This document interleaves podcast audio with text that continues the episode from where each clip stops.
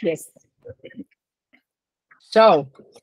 Nou, vandaag in de podcast Enrique Rutte. En uh, nou, Enrique, ik vertelde je net al, um, ik heb geen vaste vragen meer. Zo ben ik ooit trouwens wel begonnen. Hè, toen ik uh, net startte met podcasten, had ik een hele strakke lijst met vragen. Ik dacht, nou, uh, dan, dan komt er vast wel een goed gesprek uit. En in de loop der tijd heb ik eigenlijk alle vragen laten gaan voor wat ze is. En uh, tegenwoordig doe ik het, liever, liefste gewoon met alle informatie die in het gesprek voorbij komt. Dus ontzettend leuk dat jij mijn gast wil zijn. Maar stel jezelf eens voor. Ja, leuk Annemarie. Dankjewel voor uh, dit mooie ontvangst. Ik ben Enrique, ik ben uh, 46 jaar. Ik ben opgegroeid en woonachtig in Zuid-Holland. Dus ik kom echt uit de Randstad in Nederland. Ik ben moeder van twee prachtige zoons. De oudste is 15 en de jongste is 7. En daarnaast heel ambitieus uh, en al, even rekenen, 24 jaar werkzaam in de flexbranche. En Aha. op dit moment ben ik uh, CEO van uh, Happy Nurse, een uitzendorganisatie gericht op de zorgsector, waar natuurlijk heel veel gebeurt. Wat sla de kranten maar open. En het gaat over de zorg, want daar moet heel wat gebeuren. Ja. Hey, en en um, een uitzendorganisatie voor verpleegkundigen? Of, zorg, of is het breder dan dat? Ja, wat wij doen is, wij doen uitzenden, detacheren en ZZP-bemiddeling. En de naam nurse staat eigenlijk voor alle zorgprofessionals die, uh, die in het zorgsegment uh, werkzaam zijn. En dat gaat van mbo'ers op alle niveaus. En dan is niveau 2 uh, bijvoorbeeld een helpende, niveau 3 een vigger en niveau 4 is de mbo-verpleegkundige tot en met uh, de niveau uh, 6 HBO-verpleegkundigen met allerlei specialisaties erbij. En daar hebben we op dit moment zo'n 4.500 uh, zorgprofessionals voor ons aan het werk bij allerlei zorgorganisaties in heel Nederland. Hey, en, en hoe lang doe je dit nu? Nou, bij Happy Nurse ben ik vier jaar geleden gestart. Uh, en in de flexbranche, mijn eerste baan was uh, dus 24 jaar geleden als intercedente bij Randstad. Uh, en al die jaren ben ik in allerlei verschillende bedrijven en organisaties in de flexbranche uh, actief. En wat ik het mooie vind aan de flexbranche, uh, aan het vak HR, wat daar natuurlijk heel erg bij komt kijken, is dat het om mensen gaat en om de juiste mensen op de juiste plek te krijgen. Want de kracht van bedrijven en organisaties heeft natuurlijk ondanks alle digitaliseringen en alle automatiseringstoepassingen ook altijd nog met de factor mens te maken. En ja, die, die mens die wordt steeds schaarser in alle vakgebieden. Uh, dat zien we natuurlijk niet alleen in de zorg, maar in, eigenlijk in, uh, in heel BV Nederland terugkomen. En ik geloof dat bedrijven en organisaties die dat heel goed voor elkaar krijgen, die snappen hoe ze goed werkgeverschap vorm en inhoud geven, dat zijn uh, de winnaars van de toekomst. Dus als je als bedrijf en organisatie nog een beetje een ambitie hebt voor de komende jaren, dan moet je er wel voor gaan zorgen dat je het juiste talent aan boord hebt en houdt. En dat, dat wordt het challenge. Ja. Ja, en vooral dat laatste, hè? Zeker, ja, heel belangrijk. Ja. ja. en hoe zie jij dat dan in de rol met Flex? Want Flex geeft natuurlijk toch iets aan als uh, uh, wat meer los vast. Ja. En uh, goed werkgeverschap zit natuurlijk ook wel vaak juist in de, het long, long-term commitment wat je met elkaar aangaat. Ja. Hoe, hoe zie jij dat?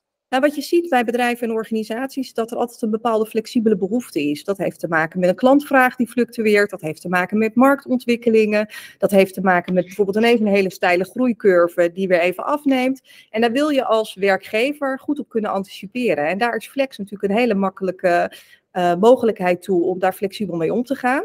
Daarnaast kun je flex ook heel goed gebruiken om de mensen die nog niet echt zin hebben om ergens meteen een vaste aanstelling aan te gaan en daar eigenlijk nog een beetje regie op willen houden, om die te leren kennen en in die eerste periode van flex te verleiden om uiteindelijk in vaste dienst te komen. Dan heb je ook meteen een hele mooie proefperiode om aan elkaar te snuffelen en te kijken van zijn wij een match en passen wij goed bij elkaar. En je vertelde net uh, dus ik zat even heel snel in mijn hoofd te rekenen. Vier jaar geleden gestart. Ja. Dus dan kom ik zo'n beetje terug uit dat je net voor de corona-periode ja. uh, hierin startte. Ja, dat klopt. Kwam jij, al, kwam jij al uit de zorg? Nee, ik kom niet uit de zorg. Nou, dat, dat wil zeggen, ik heb ooit, en dat is heel lang geleden, een van mijn studies is de SPH geweest, uh, Sociaal-Pedagogische Hulpverlening. Toen heb ik een jaar stage gelopen in een ziekenhuis. En na die, uh, die opleiding en na dat stagejaar heb ik besloten dat ik nooit in de zorg wilde gaan werken, omdat ik de oh. hiërarchie oh. heel heftig vond destijds in dat ziekenhuis. Uh, en toen besloot ik uh, dat ik verder wilde in het bedrijfsleven. En toen heb ik een andere vervolgstudie gedaan en ben ik uiteindelijk bij Randstad uh, aan de slag gegaan. Dus ik heb daarvoor in alle flexorganisaties waar ik daarvoor gewerkt heb, of hiervoor gewerkt heb, heb ik nooit met zorg te maken gehad. En toch terug naar de zorg. Ja, toch terug naar de zorg. Dat is best bijzonder, hè? Ja, want vooral, je, je zei het nogal stevig, ik besloot gelijk dat ik dat niet meer wilde. Ja. Ja, Eh, eh, dat laat eh, alsof er geen deur meer open was. Dat Ja. maakte dat je toch weer die stap, natuurlijk op een andere, andere Ja. rol, andere manier. Maar waarom heb je dan toch die stap gemaakt? Nou, het, flexbedrijf aan zich is wat, eh, wat bij mij heel belangrijk is. Dus ik vind die flexbranche met alle facetten eh, van HR-operatie, de dagelijkse vervulling, tot aan de strategische personeelsplanning vind ik heel interessant. En dus heel belangrijk, wat ik net ook aangaf, voor de toekomst van bedrijven en organisaties. Ehm, en het mooie van Happy Nurse toen ik binnenkwam, waar ik eigenlijk meteen eh, gecharmeerd van was, was van die naam. Happy Nurse. In die naam zit namelijk een belofte. En die belofte daadwerkelijk waar kunnen maken. En je daar iedere dag hard voor maken. Dat je daar ook echt in investeert. En, en dat je dat ook echt als belangrijk met je meedraagt. En daar ook je team in meeneemt. Om daar volledig voor te gaan. Dat is natuurlijk een fantastische uitdaging. Dus het ging mij meer om eh, ja, die, die belofte en, en de potentie die in die Happy Nurse organisatie zat. Die ik zag. Die ehm, ja, voor mij heel aantrekkelijk was om mee aan de slag te gaan. Eh, ja, dat, dat was voor mij de trigger om, eh, om weer eh, ja, deze stap dus toch te maken. En op zijdelings, en toch wel heel, heel direct ook op deze wijze, natuurlijk met de zorg weer samen te gaan werken. En dat was ook wel een hele bijzondere ervaring. En hoe heb je dan die coronajaren ervaren? Ik bedoel, als je dan toch min of meer, even met alle respect, redelijk nieuw in de zorgsector binnenkomt. Weliswaar heel ervaren in die flexbranche. Maar ik kan me voorstellen dat je tropenjaren hebt gehad. Ja, ja, de afgelopen, ja, de, sowieso de coronajaren, maar eigenlijk ook deze jaren, dat zijn eh, hele drukke jaren geweest, waarin we echt met z'n allen alles op alles hebben gezet om die zorg zo goed mogelijk eh, te ontzorgen, zoals wij dat noemen. Eh, dat was heel heftig. En wat ik, wat ik mooi vind aan mijn vak, maar dat heb ik eigenlijk altijd gedaan, vanaf het eerste moment dat ik begon in de flexbranche tot aan de dag van vandaag. Ik vind de verhalen van flexwerkers vind ik heel belangrijk. En ik vind de gesprekken met flexmedewerkers ook heel belangrijk. Dus dat doe ik ook graag. Dus ik ben en graag bij de klant aan tafel om te horen wat er in die zorgorganisatie speelt en wat er leeft. En ik ben graag in gesprek met wat beleeft zo'n nurse, zoals wij dat eh, noemen hier bij Happy Nurse. Wat, wat beleeft die nurse en hoe ervaart hij of zij het werk? En waarom kiest iemand ervoor om niet in dienst te gaan van een zorgorganisatie, maar via Happy Nurse? En hoe kan ik ervoor zorgen dat hij of zij in die loopbaanperiode dat het via Happy Nurse gaat, een fantastische beleving heeft en een mooie experience van zijn of haar loopbaan. En dat is op iedere moment, in iedere levensfase voor iedereen weer anders. En dat is wel, ja, dat is het bijzondere van dit vak. En ik denk als je in dit vak werkt, maar je ziet de mens als individu niet meer staan, ja, dan haal je ook niet zoveel uit het vak als wat ik doe. Dus daar krijg je ook weer heel veel voor terug. En dan is het ook niet erg om heel hard te werken, want je krijgt daar zoveel, ja, zoveel moois voor terug eigenlijk. Ik zeg altijd, hard werken is helemaal niet erg als je eigenlijk voelt dat je, dat je accu niet leeg loopt, maar eigenlijk oplaadt. Omdat Ja. je zulke mooie gesprekken hebt, Ja. dat iedere keer je daar weer nieuwe energie van krijgt. Ja, mooie momenten. En, en het is natuurlijk Ja. ook een sector waar gewoon echt wat in moet gebeuren. Hè? Want de kranten staan er vol mee. eh, media staat er vol mee. Er wordt heel veel over geschreven en over gesproken. En dat vind ik wel heel erg interessant, want er, moet ook echt iets gebeuren in die zorgmarkt. Want we zien twee dingen. De vergrijzing gaat toenemen, dus er gaan steeds meer zorgprofessionals uitstromen. En we zien de zorgvraag toenemen in de komende jaren. Ja, hoe gaan we met minder zorgprofessionals meer zorg verlenen en grotere volumes van zorgvraag aankunnen? Dat kun je niet alleen maar doen met zorgprofessionals. Daar zul je ook een combinatie van digital in moeten gaan aanwenden. Dus we zijn ook bij Happy Nurse al een paar jaar bezig om in die digitaliseringsslag samen met onze klanten ook echt stappen vooruit te maken. En dat is natuurlijk een hele gave uitdaging. Want dan wordt de zorgsector, ja, die krijgt ineens een hele andere dynamiek. En wat is dan het belangrijkste verschil als je, als je zeg maar eh, eh, digitalisering toevoegt? Ja, nou ja, kijk, als je het helemaal uh, uh, naar cijfertjes toe berekent, kun je natuurlijk de productiviteit van iedere zorgprofessional gewoon heel goed in kaart brengen. En de productiviteit wordt gekoppeld aan een x aantal patiënten of cliënten, wat in de span of control kan worden gerealiseerd op dagelijkse basis. Door de inzet van bepaalde digitale middelen kun je die span of control vergroten. En dat is natuurlijk een hele mooie stap vooruit. Dus dan krijg je de, de nurse die uitgerust is met digitale vaardigheden en digitale toepassingen. Nou, als we die stap vooruit kunnen maken, samen met de zorgorganisaties in Nederland, dan gaan we natuurlijk een, een hele nieuwe weg in. In plaats van dat we nu alleen maar denken aan de handen aan het bed, die natuurlijk vooral ook uit de mens moet bestaan. Maar als die mensen dadelijk op zijn, ja, dan moeten we er toch voor gaan zorgen dat ook andere technieken worden omarmd en worden ingezet.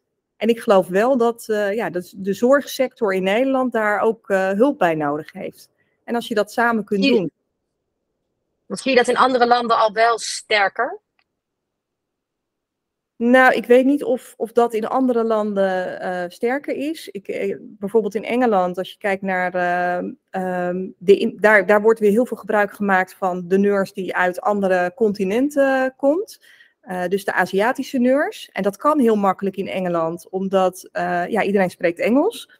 En in Nederland is een van de, van de vereisten om bijvoorbeeld BIG geregistreerd te kunnen worden, dat je dat de Nederlandse taal op NT2-niveau. Dus wij, wij moeten die Nederlandse taal uh, op, het, op het juiste niveau hebben, wil je in de zorg kunnen werken. En dat snap ik natuurlijk ook. Maar ook daarvoor zijn natuurlijk digitale toepassingen nodig. Maar je hebt dus ook de politiek nodig. Want de politiek bepaalt natuurlijk ook wat de wet en regelgeving omtrent uh, zorg is. En daar komen de zorgverzekeraars er weer bij kijken. Dus het is een hele complexe uh, systematiek waar je dan in opereert.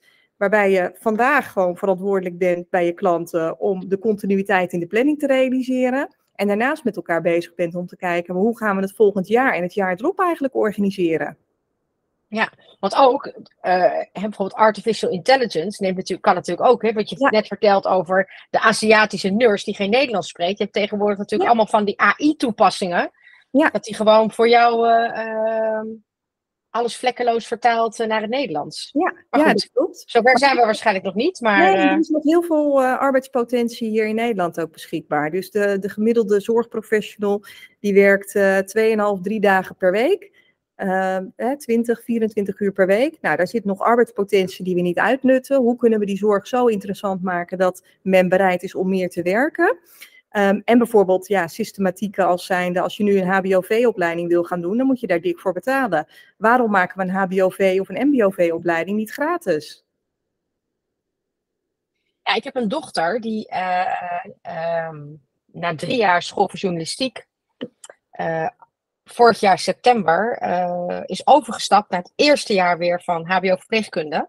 Mooi. En ja, uh, ja, ja, ja. En, en ze heeft, uh, nou, ze had in oktober nog geen punten, in januari nog geen punten. Dus wij zeiden, oh meid, dat komt er nu wel op aan.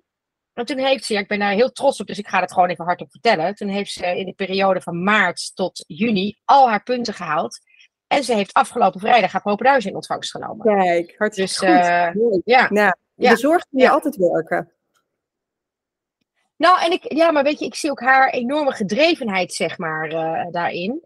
En denk ik van, nou, er is toch nog wel hoop. Hè? Ze heeft ja. dan ook in de afgelopen maanden stage gelopen in een verzorgingshuis.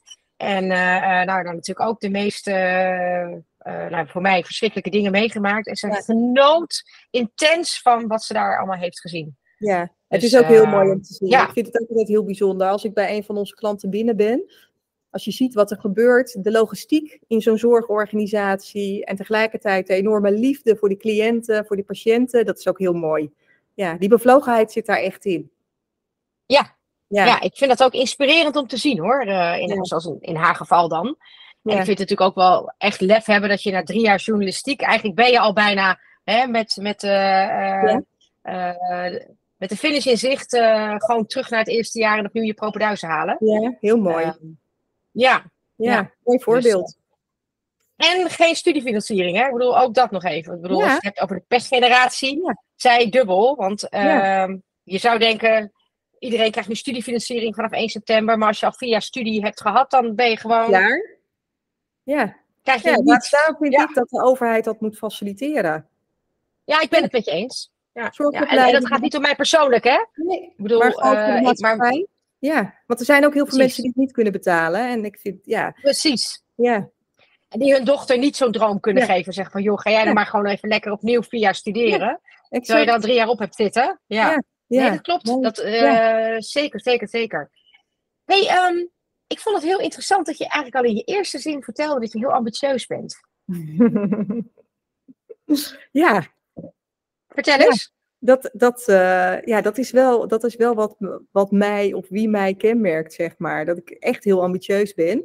En dat kwam eigenlijk in die stage in de zorg destijds. Toen was ik uh, volgens mij 21 kwam dat dan naar voren. Want ik zag van alles in dat ziekenhuis en ik wilde dat bespreekbaar maken. Maar dat mocht niet, want het was de hiërarchie. Dus daar was helemaal geen ruimte voor. En toen merkte ik al, ik ben ja, gewoon heel ambitieus. Als ik ergens uh, ben, dan wil ik kijken hoe kan ik dingen verbeteren, hoe kan ik dingen optimaliseren. Ik ben zelf heel eager om, uh, om te groeien, nieuwe dingen te leren. Uh, en daar altijd heel transparant over. Maar dat was, dat was mijn eerste ervaring waarin dat uh, niet positief tot uiting kwam. Of in ieder geval, er was helemaal geen ruimte voor.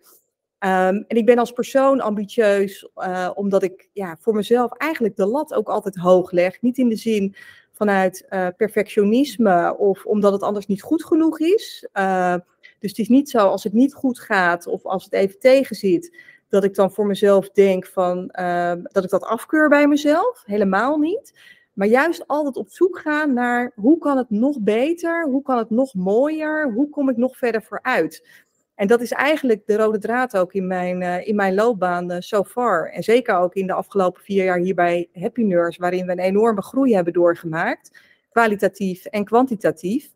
Uh, en een heel digitaal platform hebben gebouwd en dat hebben geïmplementeerd. Dus er zijn enorme stappen hier in een hele korte tijd. Uh, uh, heel veel stappen vooruit gemaakt. Ja, daar moet je ambitieus voor zijn, want anders komt het zover niet.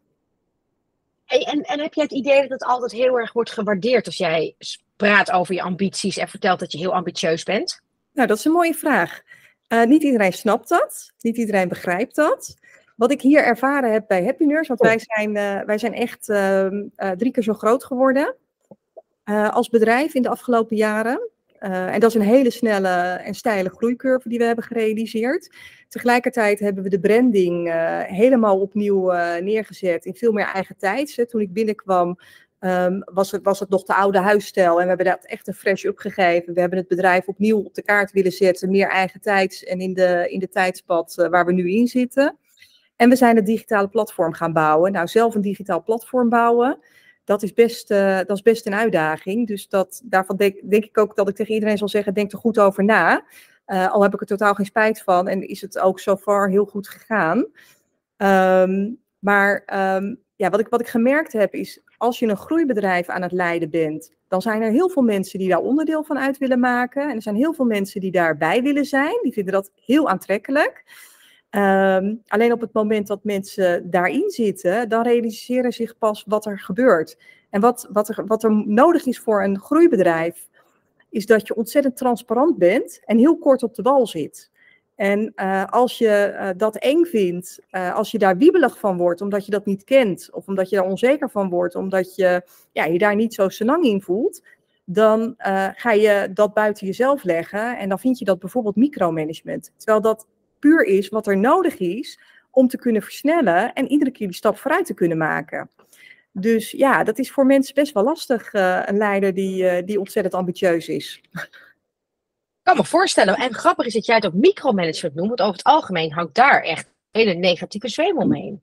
Ja, nou, dat, daar hangt ook een negatieve zweem omheen. Um, en mensen gebruiken het om, om de transparantie die nodig is om zo snel te kunnen groeien en te weten aan welke knoppen moeten we draaien om iedere keer weer die stap vooruit te maken.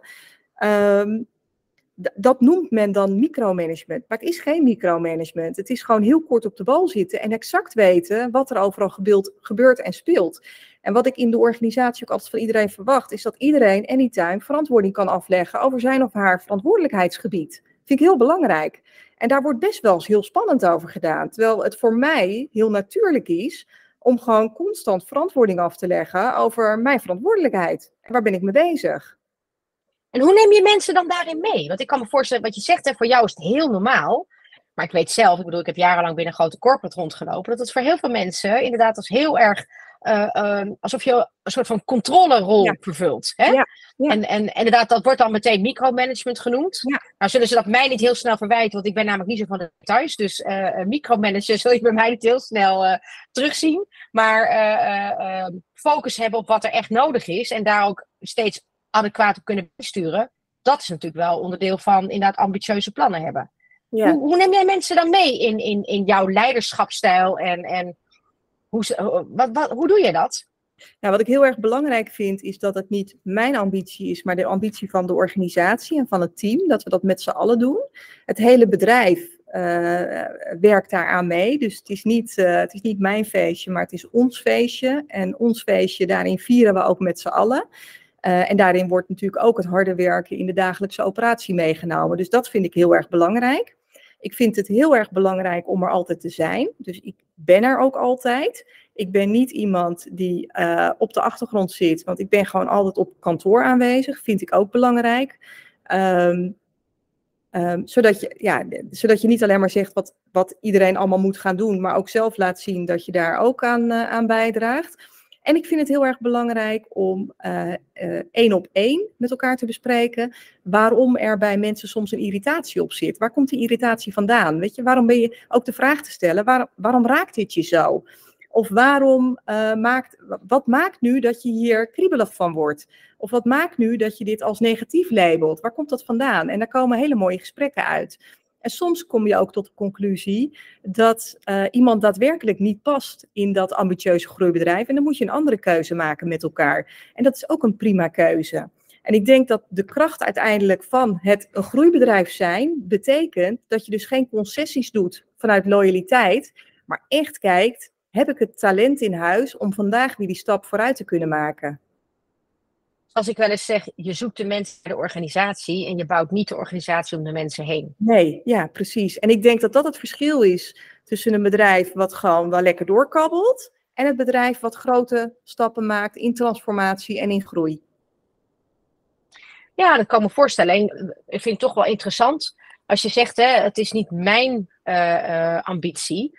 Um, hoe zorg je ervoor dat iedereen zich dan ook betrokken voelt bij die ambitie? Hoe neem je ze dan alleen al in zo'n stap mee? Want dat is vaak al waar heel veel leiders de mist in gaan. Ja, nou dat begint natuurlijk eigenlijk, je hebt je bestaande uh, team aan collega's, maar je hebt natuurlijk ook de instroom. En iedere eerste van de maand hebben wij een onboarding en de opening van de onboarding doe ik altijd. Dan vertel ik mijn verhaal uh, en dan vertel ik het verhaal van Happy Nurse en dan, dan vertel ik waarom we zijn wie we zijn en wat de belofte van onze naam inhoudt. En wat dat voor mij betekent en wat ik daarin van alle collega's binnen dit bedrijf verwacht. En dat vind ik een heel belangrijk moment. En daarnaast probeer ik zoveel mogelijk constant in contact te zijn met al die teams. En dat doe ik natuurlijk via mijn uh, managementteam. Uh, want zij hebben natuurlijk de dagelijkse contacten met de managers die daar weer aan rapporteren. En zo probeer je dat zoveel mogelijk uit te, uit te dragen. Maar we proberen ook echt momenten in te plannen, soms online sessie. We proberen in het land centraal bij elkaar te komen om elkaar te spreken, om met elkaar dus ook die persoonlijke relatie goed te hebben. Uh, dus dat topsportprestatie neerzetten in een goede sfeer, elkaar goed kennen, laagdrempelig zijn in contact. Bel me of app me, zeg ik tegen iedereen. Iedereen heeft mijn telefoonnummer. Uh, hier op kantoor mag iedereen binnenkomen lopen als ik niet in een meeting zit. Uh, en dat vind ik wel, dat, dat hoort er ook bij. Je moet er wel zijn voor de mensen. Absoluut. Ja. Heb jij het moeilijk gevonden toen je uit je rol van uh, commercieel directeur de eindverantwoordelijkheid kreeg? Was dat een moeilijke stap? Nee, helemaal niet. Want ik zag als commercieel directeur zo onwijs veel opportunities, kansen en mogelijkheden, dat ik daar heel graag mee aan de slag wilde. Dus het was voor mij een hele logische stap. Om, dat was een, er zat een hele korte tijd tussen, om heel snel in die, in die andere rol door te gaan groeien. En ook gewoon de leiding van de organisatie uh, op mijn schouders te nemen. En hoe hebben jouw peers daarop gereageerd? Uh, nou, de, de, organisatie was toen een heel stuk kleiner, hè, omdat ik aangaf dat we drie keer zo groot zijn geworden. Dus de organisatie was een heel stuk kleiner. Uh, dus we zijn daarin ook enorm gegroeid en getransformeerd. Um, maar ja, natuurlijk krijg je wel eens uh, commentaar of er wordt wel eens een beetje aan je, aan je stoelpoten gezaagd. Dat heeft zich ook in de afgelopen jaren, um, um, ja, is dat ook gebeurd. Ben ik, daar ook ja, ben ik daar ook mee geconfronteerd. Maar wat ik het mooie vind van die gebeurtenissen, is als je dat daarin jezelf niet als een slachtoffer kunt zien, maar ziet als iemand die daardoor de kans krijgt om steeds beter te worden in, in zijn leiderschap, uh, dan groei je ervan. Dus alle, ja, het is ook, het is een, het is normaal dat mensen daarop reageren. Als je je kop boven het mijnveld uitsteekt, ja, dan, dan zien mensen je en dan, dan kun je heel hard geraakt worden. En hoe, hoe meer je natuurlijk in die top zit van een bedrijf, hoe minder peers je naast je hebt. En mensen vinden heel veel van je en hebben veel kritiek op wat je doet. Maar door daar uh, met een misschien wel groot en warm hart naar te kijken en te luisteren, kun je er ook heel veel van leren. En um, ik denk wel eens dat juist, uh, maar dat is eigenlijk voor mijn hele loopbaan wel van toepassing, door alle tegenslag en tegenwerking die je in de dagelijkse praktijk krijgt, die ik ook gehad heb, heb ik me enorm kunnen ontwikkelen tot de leider die ik vandaag ben. het lijkt dus, also, het is niet allemaal over rozen gegaan. En dat is bij de meesten natuurlijk zo. En vaak is het, hè, maakt, ja. ze zeggen wel eens, if it doesn't kill you, it can only make you stronger. Ja, ja zeker. Nou, dat, uh, dat gezegde gebruik ik ook vaak. Um, en ik, ik denk dat het de ambitie ook is dat je bereid bent om er een bepaalde prijs voor te betalen. En die prijs die zit in verschillende facetten. Hè. Die heeft te maken met incasseren dat er iets van je gevonden wordt, dat er dingen over je gezegd worden. Uh, ik zeg ook altijd, het, het, is makkelijker om kritiek te hebben op het werk van een ander dan het werk zelf te doen. Hè?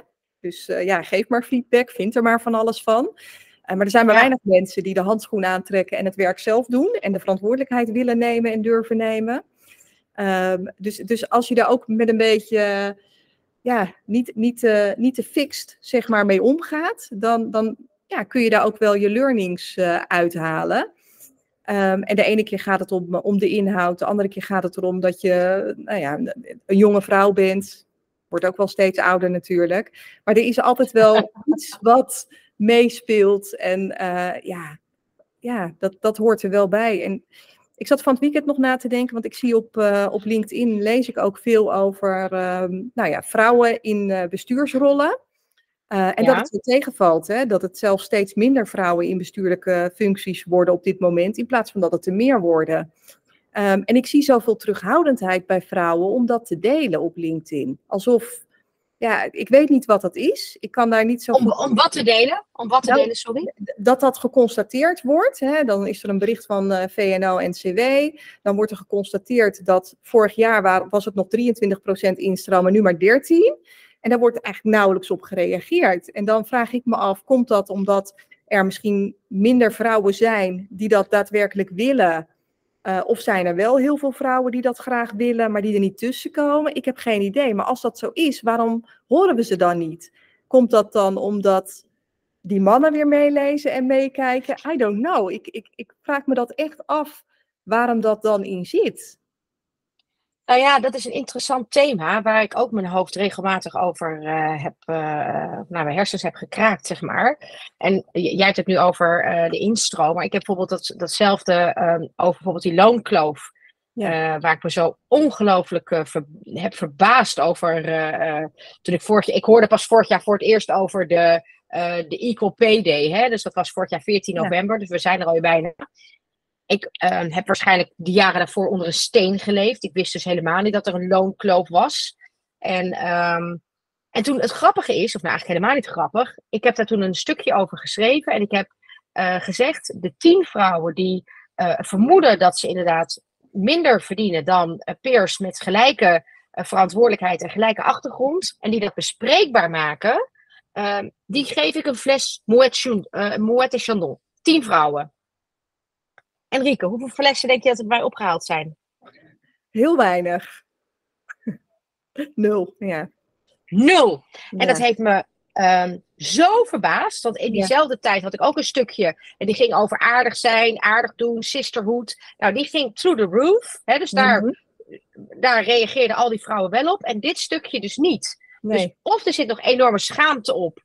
Um, uh, dat ze wel proberen om zo'n rol te krijgen, maar hem niet krijgen. En, en er dus dan maar niet over spreken. Yeah. Um, in, in, jouw thema, in mijn thema, loonkloof. We hebben het er maar niet over, want stel je toch voor dat. Ja. Ja, ik denk dat we hier echt nog wel wat te doen hebben. En, uh, uh, maar wel, op de dag dat we niet meer roepen, dan weten we zeker dat, het dat we verloren hebben. Dus ik blijf hier gewoon eindeloos over roepen. En ook over inderdaad die bestuurlijke rollen het verbaast mij uh, zo erg. En ja, ik ben eigenlijk een tegenstander van een quotum. Hè, maar aan de andere kant, zoals uh, pas geleden had ik het daar met, met Janine de Vos over. En die zei, ja Annemarie, het is heel simpel. Maar waar geen wil is, is een wet. Nou, Ja. oké, daar Ja. kan ik me in vinden. Mhm. Maar het zou toch niet meer zo moeten zijn dat het allemaal Nee. nodig is. Nee, nee, nee. En toch is het zo. Ja, ja. Het is heel bijzonder. Ik vind het echt heel bijzonder. En daarom dat ik ook trigger op het feit dat jij gewoon lekker zegt, ik ben heel ambitieus. Want daar zit hij voor heel veel vrouwen al, die zeggen, ja, maar dat zeg je toch niet van jezelf? Ja. Ja, Ik, zou juist denk- iedereen willen Ja, oproepen. Zeg Weet je, het. wat ik, weet je wat ik denk? In het systeem van vrouwen zit een bepaalde onderdanigheid naar mannen toe. Dat zit in het systeem van vrouwen. En op het moment dat je dat eigen bent, omdat je dat zo hebt meegekregen in je jeugd, in je opvoeding, en zo al je banen ook allemaal voor elkaar hebt gekregen, word je dus ook nooit gezien door die mannen die daar een oordeel of een beoordeling over moeten geven, als een toekomstig of als een leider. Zo word je ook gewoon helemaal niet gezien. Dus je moet je echt anders opstellen. En ook zeker niet als one of the guys, maar gewoon echt als een sterke, krachtige vrouw. Met een mening, met een verhaal, met een visie. Om die plek te kunnen bemachtigen. Want anders krijg je hem gewoon niet. Nee, alleen er zit nog wel een stap voor in mijn beleving. En dat is eerst echt zelfvertrouwen hebben. Ja. En je niet de hele tijd door laten afremmen door je eigen kritische zelfsaboteurs. Want dat is Ja. bij heel veel vrouwen echt wel aan de gang. Mhm. Dus het begint wel bij eh, dat zelfvertrouwen ontwikkelen. Hè, eh, eh, want dat zie ik namelijk meer dan genoeg. Dat ik echt denk, zulke talentvolle vrouwen. Maar als ik echt met ze door, doorpraat, dan hebben ze zo weinig zelfvertrouwen. Dan denk ik, hoe dan? Ja. Ja. Maar ja, goed, ik was er zelf ook een hoor. Ja, en dan komen ze misschien toch in dat mechanisme terecht, waarin eh, ja, toch een stukje onderdanigheid of misschien wel please-gedrag naar die mannen plaatsvindt. Ja, dan word je misschien wel gezien als een hele handige rechterhand die heel veel werk uitvoert, want die vrouwen werken zich helemaal Ja. de tandjes, hè? die werken keihard. Ja, Die werken echt Ja, keihard. I know. Maar I door, er know. wordt zoveel productiviteit geleverd, eh, maar je wordt nooit gezien als een leider. Nee, maar dat is, dat is een misvatting die bij heel veel vrouwen nog eh, speelt, eh Enrique. Ik bedoel, ik heb ondertussen zo vreselijk veel topvrouwen en mogen spreken en al mee mogen samenwerken. Heel veel denken dat met hard werken en het neerzetten van resultaten je groei en je ambities daar vanzelf wel uit blijken. Nee, girl, wakker worden. Ja. Dat is niet zo. Uitspreken. Dus ik heb bijvoorbeeld ook een, eh, een, een, een een groep vrouwen die, die nu nog eh, mid-career zitten. En het eerste wat ik ze altijd vraag is: wat zijn nou echt je ambities?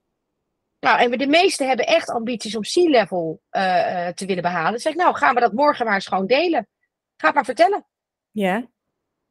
ja. En dan is het, En maar dat kan ik toch Ja. niet doen? Ik zeg, ja, ik zeg, maar ga dat nou maar wel doen. Ja. Want wat is nou het ergste wat kan gebeuren? Dat het, nog, dat het misschien nog niet in je gezien wordt. Ja. Nou, wellicht krijg je daar wel hele mooie, waardevolle feedback uit. Waar je mee aan de slag kan. Maar Ja. ligt het wel open. Ja. En je zult zien dat er daarmee toch anders naar je gekeken wordt. Als je dit gewoon uitspreekt. En die vrouwen die dat nu allemaal gedaan hebben. Die gaan echt als een speer. Ja, ja, ja, klopt. Dat is het echt. Ja, en als je, het, als je die intrinsieke motivatie ook voelt om dat te willen doen. Eh, want wat ik altijd wel zeg is dat je er, dat vind ik echt, je betaalt er een prijs voor. En als je daar geen moeite mee hebt, is er niks mee aan de hand.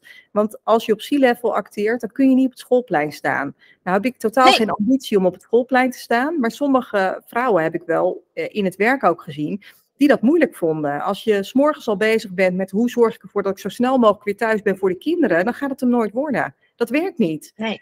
Nee. En ieder zijn keuze, hè? Alles is goed. eh, Alles is goed. maar Vind kies. ik ook. maar Maar kies. Ja, kies. Ja. En Ja. dat is denk ik een hele Ja. belangrijke. Ik ben het helemaal met je eens. En ik heb zelf die ambitie ook nooit heel sterk gevoeld. Om inderdaad ook op het schoolplein te staan.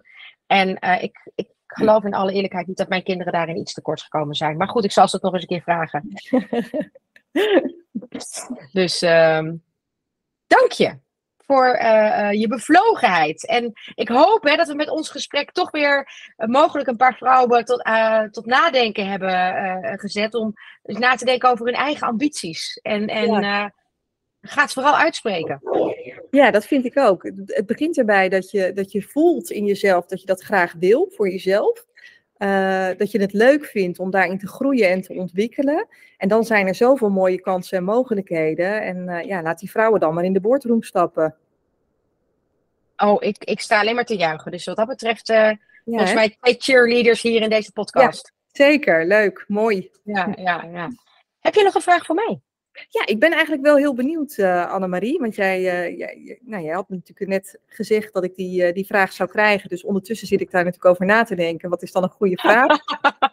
en toen je, toen je eerder in deze podcast aan me vertelde over je dochter, um, ja. was ik eigenlijk wel even benieuwd. Wat, wat, wat, ik weet niet of je meer kinderen hebt.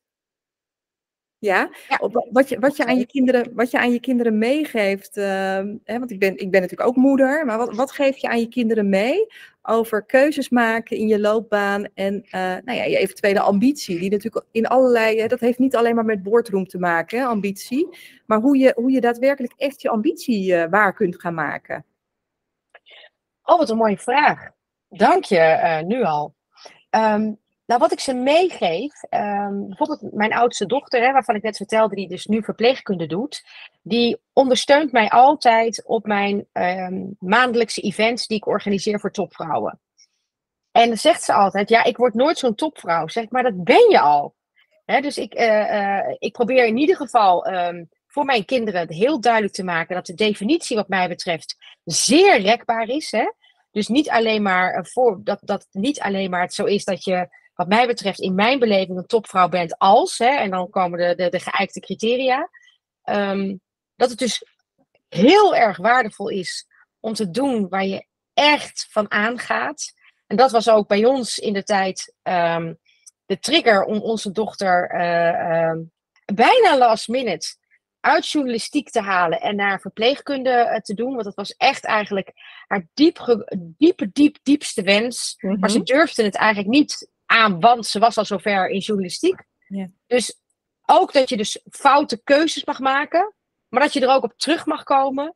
En dat je echt moet doen waar je hart sneller van gaat kloppen. Want daar hou je het namelijk het langste mee vol. En, uh, en dat is ook, uh, denk ik wel, het allerbelangrijkste wat ik echt zelf ook heb moeten leren. Dat als je doet waar je echt van aangaat, waar we het net ook over hadden, dan krijg je energie, al ben je nog zo druk, en ik gun iedereen dat. Ik gun iedereen, dus ook vooral mijn kinderen, om te doen waar hun hart echt van aangaat. En daar naar op zoek te gaan. En dat dat ook even een zoektocht mag zijn. Um, maar dat je daarmee, dat, dat, dat de beloning in vorm van energie die je daarvoor krijgt, alles waard is. Ja, mooi. Ja, dat dus. Ja, mooi. Ja, dankjewel. Dank. Jij ook bedankt. En uh, dank je ook voor uh, dit mooie gesprek. En we gaan elkaar weer spreken. Ja, zeker. Tot de volgende keer, Annemarie. Dankjewel. Tot de volgende keer. Bye.